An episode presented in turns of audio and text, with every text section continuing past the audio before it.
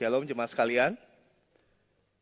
Selamat hari Minggu dan sungguh bersuka cita diberikan kesempatan untuk boleh bersama-sama beribadah terlebih untuk merenungkan firman Tuhan. Mari sebelum kita merenungkan firman Tuhan kita bersatu dalam doa. Mari kita berdoa. Bapak di surga kami sungguh bersyukur Engkau Allah yang tidak pernah lalai. Engkau Allah yang tidak pernah meninggalkan kami. Ketika kami hidup di tahun 2023 ini, tidak sekalipun Engkau meninggalkan kami. Engkau selalu ada di dalam kehidupan kami dan kami menjadi saksi atas penyertaanmu yang selalu ada, yang tidak pernah berubah. Saat ini ya Tuhan kami hadir. Dalam ibadah di akhir tahun ini kami rindu juga untuk mendengar suaramu. Berbicaralah ya Tuhan, kami siap mendengarkan. Roh Kudus tolong setiap kami, baik hambamu yang akan menuturkan firmanmu dan juga setiap kami yang mendengarkan. Kami lemah ya Tuhan, oleh sebab itu kami butuh roh kudus menguatkan kami, membuat kami fokus agar kami sungguh-sungguh boleh menjalankan firman-Mu dan melakukannya. Dalam nama Tuhan kami Yesus Kristus kami berdoa. Amin. Baik jemaat sekalian, kita akan merenungkan sebuah tema untuk mengakhiri tahun ini yang berjudul Priority in Reality atau prioritas dalam realitas. Dan saya izinkan saya bertanya dulu kepada setiap kita ketika kita berada di akhir tahun ini, Bagaimana ketika kita di awal tahun atau akhir tahun lalu kita menyusun prioritas-prioritas kita? Lalu bagaimana realitasnya? Apakah semua berjalan lancar sesuai kehendak? Atau justru banyak yang meleset?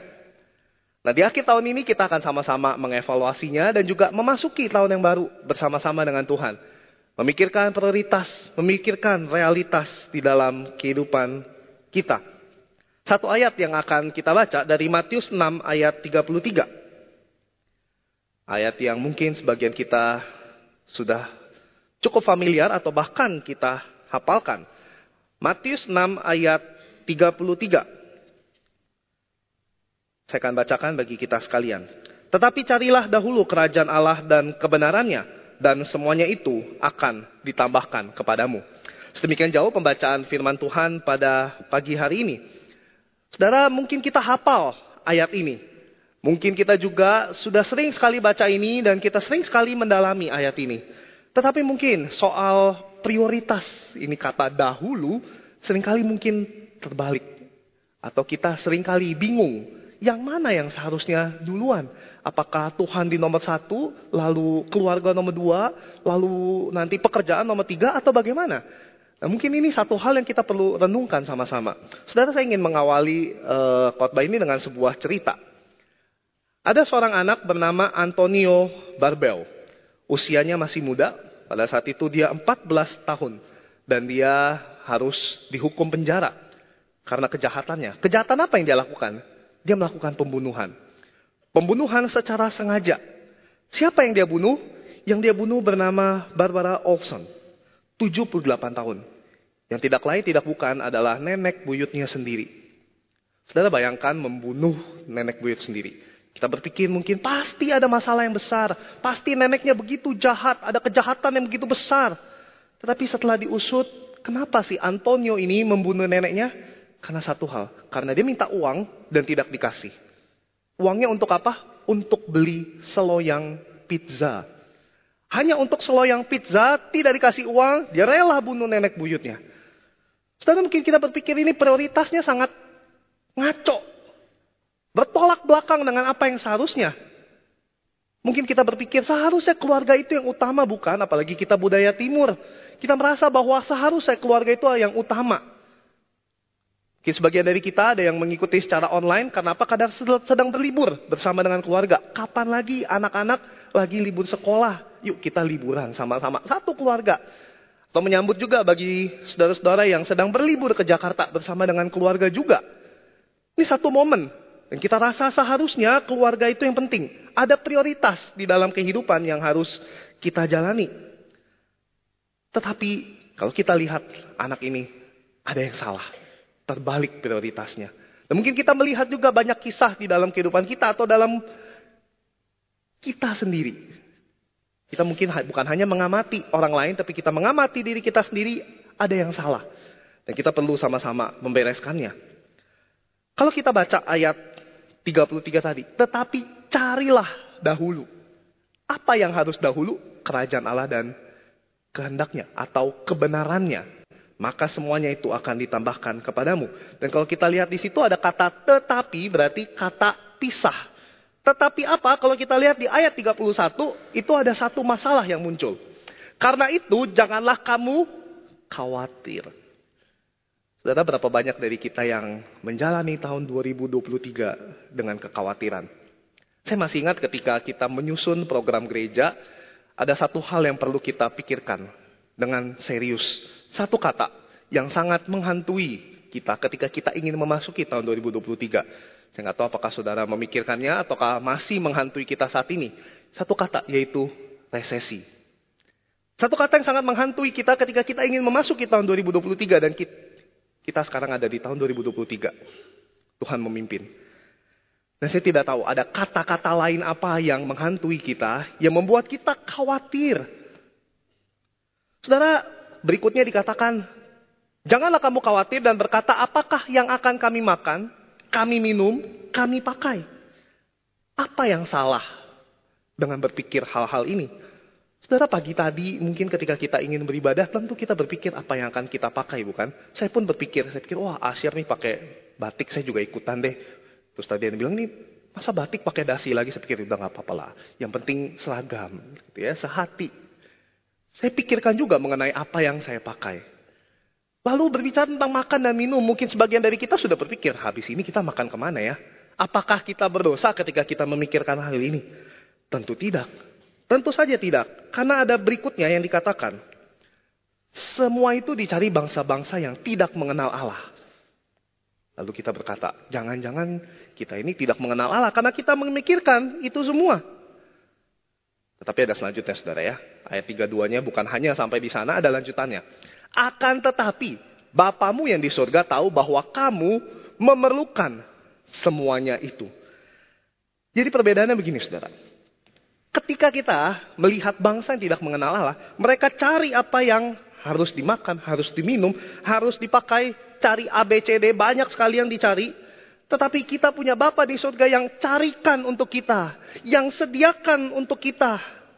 Tentu kita ingat bagaimana waktu kita masih kecil, ketika kita dididik, baik orang tua, atau anggota keluarga lainnya, atau orang lain yang memelihara kita. Kita tumbuh besar, dipelihara. Kita cari orang tersebut. Dan sekarang kita diajak lagi untuk mengingat. Ayo ingat Allah. Ingat Allah yang memelihara kehidupan kita. Yang tidak pernah lalai memimpin kehidupan kita. Mengatasi segala kekhawatiran itu. Kalau kita terus hidup di dalam kekhawatiran, mencari hal-hal yang lain, tanpa mencari Allah, kita hidup seperti bangsa yang tidak mengenal Allah. Oleh sebab itu dilanjutkan oleh ayat yang kita baca. Tetapi carilah dahulu kerajaan Allah dan kebenarannya. Ada dua hal yang perlu kita cari jadinya. Yang pertama, kerajaan Allah. Yang kedua adalah kebenarannya. Yang pertama, soal kerajaan. Kerajaan Allah ini muncul banyak sekali di Injil Matius, saudara. Ada 50 kali muncul. Dan salah satunya ada di Matius 3 ayat 2. Saya ingin bacakan bagi kita. Bertobatlah sebab kerajaan sorga sudah dekat. Kata kerajaan muncul 50 kali, tetapi kata kerajaan sorga hanya muncul di bagian ini. Sangat menarik. Kenapa? Karena ini satu peringatan. Jadi Matius diawali dengan sebuah peringatan, hati-hati. Kerajaan sorga sudah dekat. Ini sudah akhir zaman, saudara ya. Jadi kerajaan sorga itu diidentikan atau diselaraskan dengan apa? Dengan pertobatan hati kita, diri kita. Saya selalu terkesan dengan kalimat yang sering diucapkan oleh Cho Muse, pendeta David Chu, ketika ada pembicara dari, yang entah dari luar, entah dari dalam, pembicara lain yang selesai membacakan firman Tuhan, selesai berkhotbah, lalu dia naik, dan dia bilang, saya pikir kita perlu sama-sama bertobat. Ada yang ngomongnya. saya pikir kita perlu sama-sama bertobat. Ya, setiap kita mendengarkan firman Tuhan, kita harus bertobat. Dan ketika firman Tuhan diberitakan, itu artinya kerajaan Allah juga dihadirkan. Dan betul, kerajaan Allah itu nyata hadir. Kalau kita ingat doa Bapa kami, datanglah kerajaanmu. Jadilah kehendakmu. Di bumi seperti di surga. Jadi apa artinya kerajaan Allah itu datang? Kerajaan Allah itu datang ketika kita menjalankan kehendak Allah. Ketika Tuhan jadi raja Itulah ketika kita menjalankan kehendak Allah. Ketika kita mendatangkan kerajaan Allah di dunia ini. Ketika kita mencari kerajaan Allah dan kebenarannya. Jadi kerajaan itu bukan sekedar adanya pemerintahan, empire yang besar, ada istananya, bukan. Tetapi ketika kerajaan Allah itu punya istana di hati kita, memerintah di hati kita. Kerajaan Allah itu hidup di hidup kita. Karena kita adalah umatnya yang telah dihidupkan. Saudara ingatkah kita bahwa kita ini seharusnya mati. Tetapi hanya karena Allah menghidupkan kita, maka kita bisa menjadi hidup. Yang kedua, soal kebenaran. Saudara, kalau kata kebenaran ini banyak sekali diucapkan di ucapan bahagia atau beatitudes. Misalnya, berbahagialah orang yang lapar dan haus akan kebenaran. Atau berbahagialah orang yang dianiaya oleh sebab kebenaran. Kita mungkin berpikir-pikir lagi kenapa bahagia oleh sebab kebenaran. Tapi kita bisa melihat banyak sekali saksi iman bukan? Kita sudah menjalankan movement don't give up. Begitu banyak orang yang dianiaya oleh sebab kebenaran. Tetapi mereka bisa berbahagia. Kita bisa melihat saksi-saksi iman itu. Kita juga bisa melihat orang-orang yang mencari Tuhan dengan sepenuh hati. Mencari kebenaran itu meskipun realitas di dunia ini tidak menunjukkan kebenaran, tetapi prioritasnya tetap mencari kebenaran Allah. Kalau kita lihat di Matius 5 ayat 20, dikatakan seperti ini. Maka aku berkata kepadamu, jika hidup keagamanmu tidak lebih benar daripada hidup keagamaan ahli-ahli Taurat dan orang-orang Farisi, sesungguhnya kamu tidak akan masuk ke dalam kerajaan sorga. Saudara izinkan saya translate ulang sedikit ya bagian ini, sesuai dengan bahasa aslinya. Kira-kira seharusnya seperti ini. Saya pikir kita cukup familiar dengan ayat ini. Saya coba uh, terjemahkan dengan bahasa yang bebas, yang lebih tepat. Seperti ini kira-kira. Jika tingkat kebenaranmu tidak di atas ahli-ahli Taurat dan orang-orang Farisi. Atau begini, jika tingkat kebenaranmu tidak melampaui ahli-ahli Taurat dan orang-orang Farisi. Karena kata yang dipakai sama ya saudara ya. Di kaiosune, kalau tadi kita uh, baca di Matius 6 ayat 33, kata Yunani yang dipakai itu sama. Di kaiosune. Saudara inilah standarnya. Kalau kita baca mungkin dalam terjemahan bahasa Indonesia kita mungkin lemes ya. Bagaimana mungkin hidup keagamaan kita bisa lebih baik daripada mereka? Tidak mungkin. Kita pasti kalah, kita pasti gagal. Kita tidak mungkin sehebat mereka. Tetapi kalau tingkat kebenaran Bagaimana? Siapa yang bisa ukur? Siapa yang bisa lakukan? Kita sering membahas tentang pembenaran itu, pembenaran yang diberikan oleh Yesus kepada kita. Dan tadi kita juga nyanyikan sebuah pujian. Tiada yang seperti Yesus yang sanggup mengampuni kita, memberikan pembenaran itu bagi kita. Tingkat kebenaran kita ditentukan oleh apa? Oleh Yesus yang mengampuni kita. Dan itulah kebenaran yang harus kita kejar. Saudara, tetapi bukankah sering kali ketika kita menjalankan hidup itu, menjalankan kebenaran itu, rasanya tidak mudah untuk kita, bukan? Oleh sebab itu, Paulus dalam Roma 14 ayat 17 berkata seperti ini. Sebab kerajaan Allah bukanlah soal makanan dan minuman. Jadi jangan kamu khawatir soal makanan, minuman, pakaian. Dan Paulus katakan sebab kerajaan Allah bukan soal makanan dan minuman, tetapi soal apa? Kebenaran. Bukan hanya kebenaran. Ada damai sejahtera dan sukacita dalam roh kudus. Saudara betapa indahnya bukan? Kalau kita hidup sungguh-sungguh sebagai murid-murid Kristus. Yang hidup mencari kerajaan Allah. Menjalankan kebenarannya. Pasti ada damai sejahtera dan sukacita. Tapi sering kali mungkin kita ketika menjalani kehidupan sebagai orang Kristen. Sebagai murid-murid Kristus. Kita kekurangan damai sejahtera kita merasa bahwa kok kita tidak seenak orang fasik ya hidupnya. Ketika kebaktian doa Rabu kemarin. Kita iri melihat orang-orang fasik yang hidupnya lebih menyenangkan daripada kita. Atau kita tidak suka cita ketika kita harus memilih kebenaran. Tetapi hari ini kita mau sama-sama belajar. Mari prioritaskan. Meskipun realitas ingin melawan kebenaran, ingin mengesampingkan kebenaran, ingin membiaskan kebenaran, Iblis ingin menipu kita hal-hal yang seharusnya salah, dianggap sebagai kebenaran, atau dianggap sebagai abu-abu, cincailah. Cincai. satu kebahayaan yang perlu kita sama-sama awasi. Tapi kita mau hidup untuk melawan kesalahan itu. Karena kebenaran itu bukan sekedar benar, tetapi juga melawan yang salah. Dan ketika kita melakukan itu, ada damai sejahtera dan sukacita. Kita katakan Yesus sebagai Raja Damai, bukan?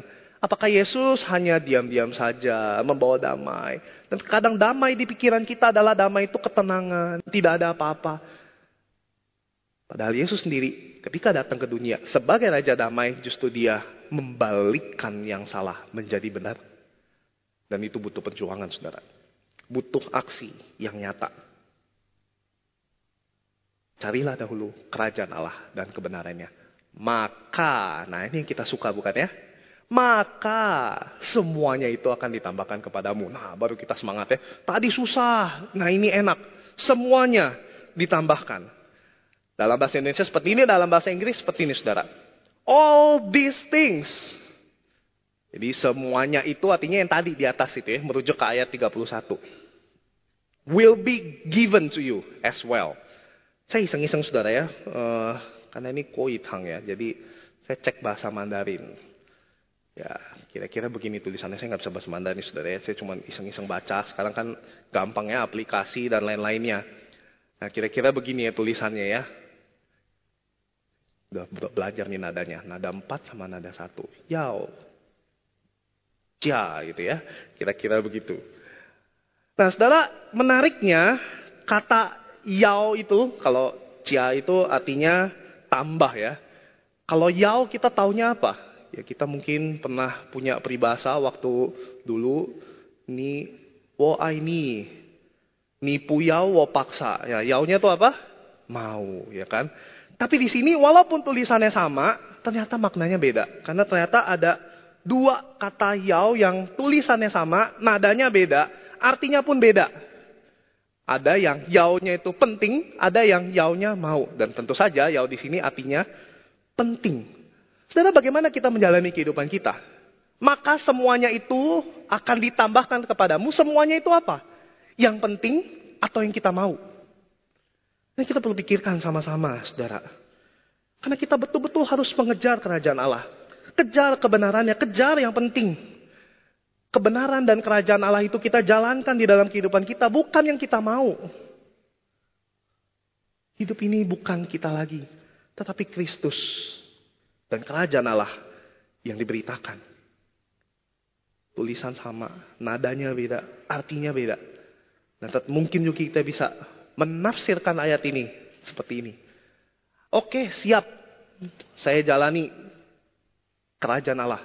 Saya cari kerajaan Allah, saya hidupi kebenaran Allah, tetapi semua yang saya mau ditambahin dong. Deal? Ya, kita mungkin doa begitu kadang-kadang ya. Deal Tuhan? Deal. Oke, siap gitu ya. Kalau ternyata Tuhan bilang enggak, yang penting aja yang ditambahkan. Yang menurutku yang terbaik itu yang akan kuberikan kepadamu. Kita mulai, aduh. Kita mulai ingin untuk nego. Saudara, bukankah kehidupan kita seharusnya untuk menjalankan kehendak Allah? Bukan memakai Allah untuk tujuan pribadi. Tetapi kita pakai diri kita untuk tujuan Allah. Lebih-lebih lagi, seharusnya. Tujuan kita itu harus sama dengan tujuan Allah. Susah? Susah ya saudara ya. Sebenarnya saya ingat ketika tahun 1980-an, saya membaca sebuah artikel, tahun 1980-an ada sebuah gerakan namanya Just say no. Ini diprakarsai oleh Ibu Nancy Reagan, istri dari Ronald Reagan, Presiden Amerika Serikat. Kenapa muncul gerakan ini? Karena waktu itu di Amerika Serikat cukup kacau keadaannya.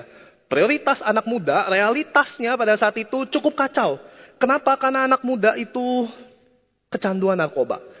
Angka mereka tercandu narkoba sangat tinggi sehingga mereka memikirkan bagaimana untuk menghentikan ini. Lalu muncul gerakan ini yang menghimbau anak muda, kalau ada godaan, kalau ada sesuatu yang membuat kita menuju ke arah narkoba, yang menyimpang dari hidup yang normal, just say no. Apakah sukses gerakan ini? Tidak. Ya, ada banyak hal, banyak faktor yang menyebabkan gerakan ini tidak berjalan dengan sukses. Tapi hal yang terutama dikatakan seperti ini. Manusia itu susah untuk say no. Susah untuk just say no tanpa ada yes yang lebih baik. It's hard to say no with the absence of the better yes. Susah untuk bilang tidak ketika tidak ada kata yang lebih baik, ketika tidak ada sesuatu yang lebih baik yang ingin kita jalankan. Saudara mungkin sekarang kita juga bisa berpikir seperti itu. Mungkin kerajaan Allah, kebenaran Allah tidak lebih baik. Kita susah untuk mengatakan tidak kepada yang dunia tawarkan karena kita tidak merasa Yesus indah. Saudara saya ingin tunjukkan satu video bagi kita. Boleh minta tolong diputarkan?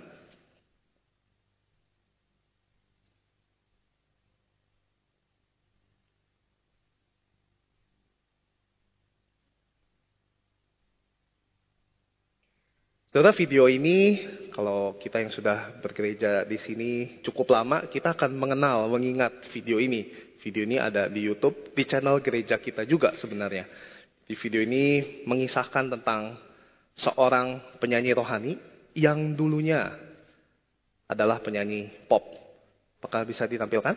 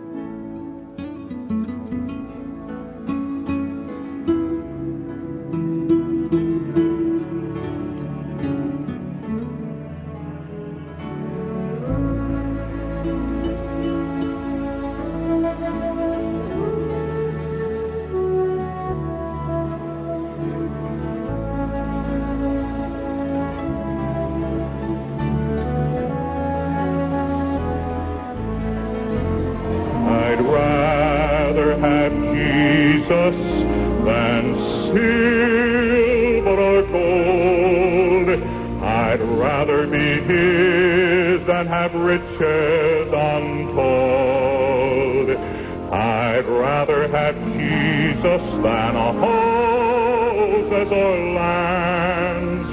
I'd rather be led by His nail pierced hand than to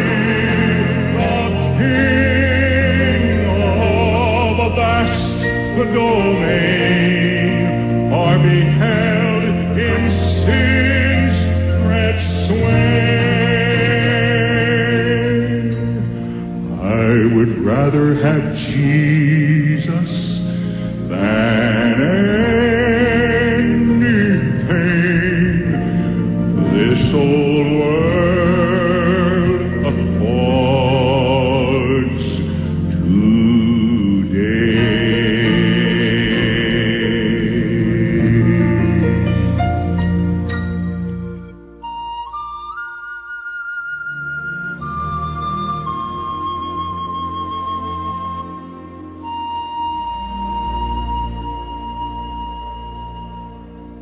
Saudara ada yang ingat video ini? 13 tahun lalu ya. Hymn of the Month dulu ya. Saudara George Beverly Shea. Dia adalah penyanyi pop sebenarnya. Ketika Tuhan panggil dia, dia menjadi penyanyi tur keliling nyanyi lagu rohani bersama dengan Billy Graham. Yang mungkin kita sangat kenal. Saudara, liriknya kira-kira seperti ini, saudara. ya. Lagunya dalam bahasa Indonesia ada di KPPK kita. Situ dikatakan di bait 2, Ku memilih Yesus lebih indah. Di sini dikatakan, ku memilih Yesus lebih dari macam-macam. Ada banyak hal yang disampaikan, yang dibandingkan. Dan apakah kehidupan kita bisa memilih Yesus karena lebih indah? Bukan hanya karena kewajiban, bukan hanya karena disuruh, bukan hanya karena ikut orang tua, bukan karena takut masuk neraka, tapi sungguh kita merasa Yesus itu lebih indah. Dan saudara, bukankah itu semua adalah anugerah Allah? 1 Yohanes 4 ayat 10 dikatakan, inilah kasih itu bukan kita yang telah mengasihi Allah, tapi Allah yang telah mengasihi kita. Allah yang terlebih dahulu mengasihi kita. Bukankah kita seharusnya ingat bahwa dulu kita mohon-mohon, kita kejar-kejar, kita prioritaskan keselamatan itu. Semua yang rasanya berarti, kita rasa tidak berarti karena kita ingin mengejar keselamatan itu. Sekarang setelah kita dapat, bagaimana mungkin kita berbalik kepada Injil yang lain, kepada kerajaan yang lain, kepada kehendak kita yang kita terus tambah-tambahkan untuk dipenuhi. Saudara, kita harus meneladani Yesus. Dalam Roma 8 ayat 29 dikatakan, sebab semua orang yang dipilihnya dari semula, mereka juga ditentukannya dari semula untuk menjadi serupa dengan gambaran anaknya. Supaya ia, anaknya itu menjadi yang sulung di antara banyak saudara. Yang pertama, Yesus yang setia membawa kerajaan Allah. Kita rayakan baru minggu lalu ketika Natal. Ketika Yesus datang ke dalam dunia ini. Itulah nyata kerajaan Allah. Saudara, seorang pengkhotbah terkenal bernama Jonathan Edwards pernah mengatakan sebuah kutipan seperti ini. Resolution 1, I will live for God. Resolution 2, if no one else does, I still will. Saudara mungkin kita menulis atau membuat banyak resolusi di akhir tahun lalu atau di awal tahun ini. Apa yang kita tulis, saudara? Apa yang kita prioritaskan? Jonathan itu berkata, yang pertama, saya mau hidup untuk Tuhan. Yang kedua, kalau tidak ada yang hidup bagi Tuhan, saya akan tetap hidup bagi Tuhan. I still will. Bagaimana cara saudara? Yang pertama, cari Tuhan secara personal. Saudara ada salah kaprah yang besar di dalam gereja, di dalam kekristenan. Kalau cari Tuhan itu bisa diwakilkan. Dan saya bertemu dengan banyak orang yang berkata seperti ini, udahlah, nggak apa-apa. Itu anak saya rajin kok ke gereja, dia pelayanan rajin. Saya dulu lesin dia piano, sekarang dia rajin main musik di gereja. Nggak apa-apa. Nggak apa-apa, saya sibuk cari uang. Nanti persembahan saya kasih aman, cuan tahu, tenang.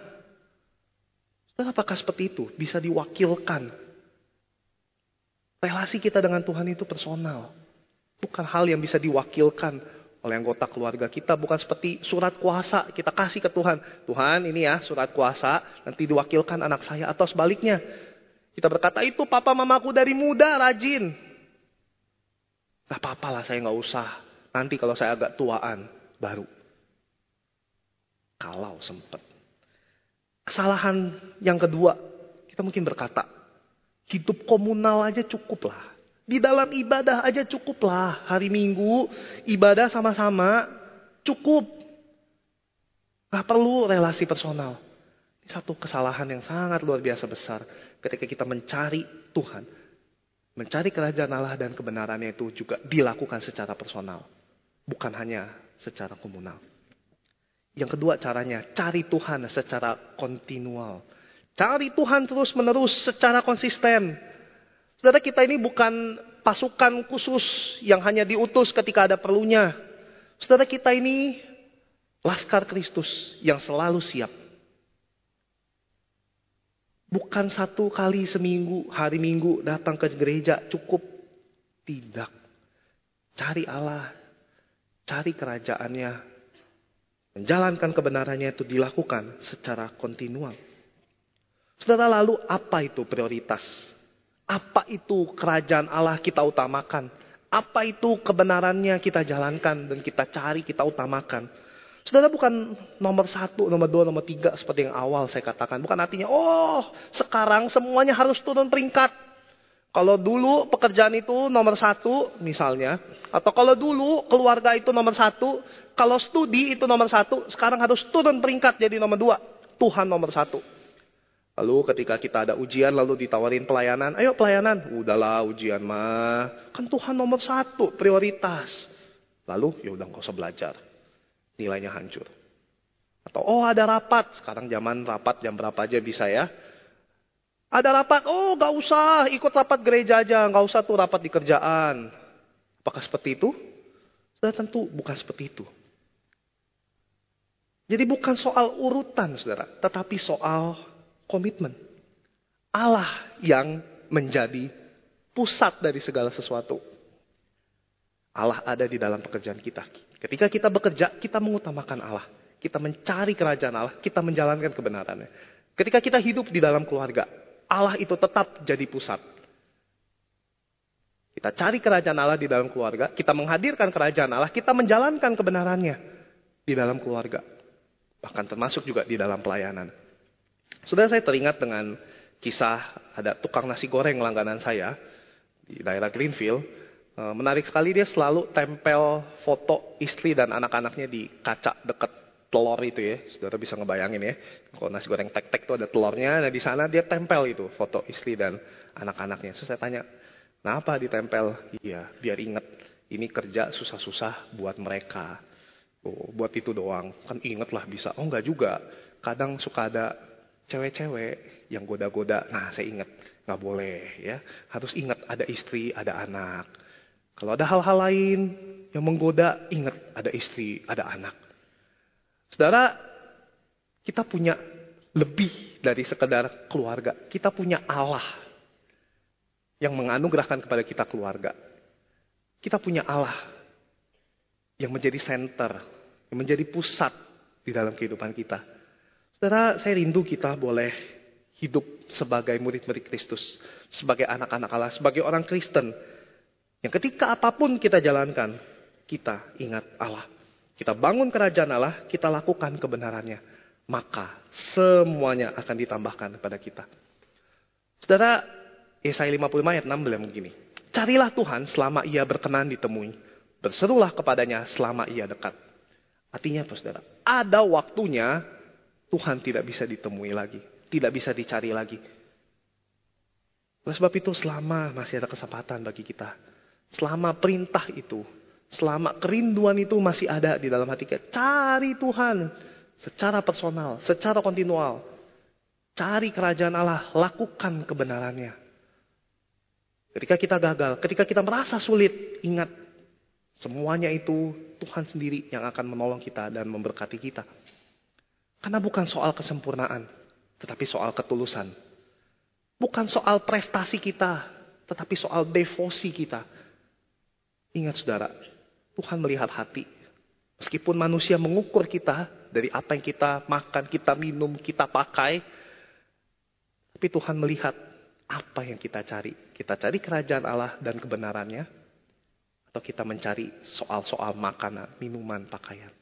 Saudara ingat prioritaskan Tuhan di dalam tahun depan 2024. Ketika kita mengakhiri tahun ini, kita juga merindukan bahwa kita mengakhirinya juga bersama-sama dengan Tuhan. Mengucap syukur kepada Tuhan.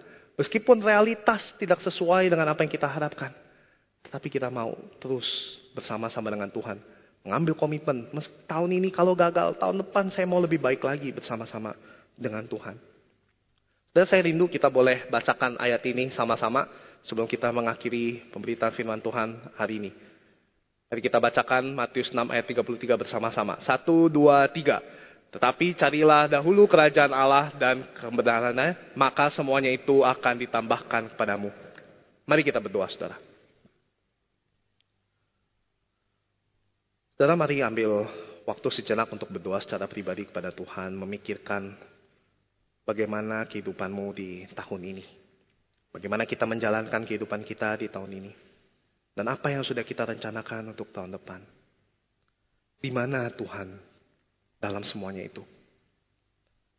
Sungguh kita cari kerajaan Allah, menghidupi kebenarannya, dan justru kita punya hal-hal lain. Silakan berdoa masing-masing.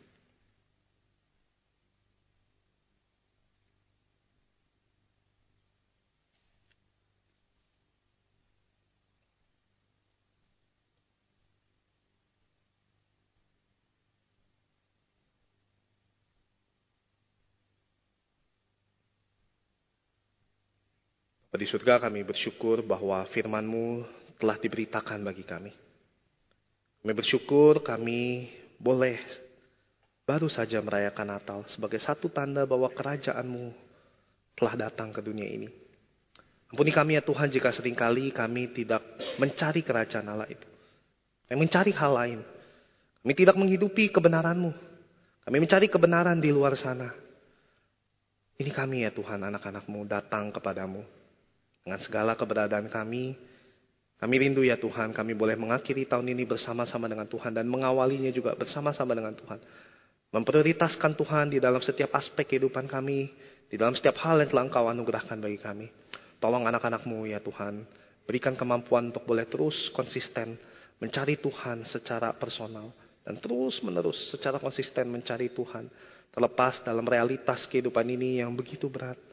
Kadang kami merasa lelah, terkadang kami tidak kuat, tetapi Roh Kudus tuntun kami, berikan kekuatan pada kami, agar kami, kami boleh sama-sama menjalankan kehendak-Mu. Terima kasih ya Tuhan atas kebaikan-Mu. Demi nama Tuhan kami, Yesus Kristus kami berdoa. Amin. Tuhan berkati.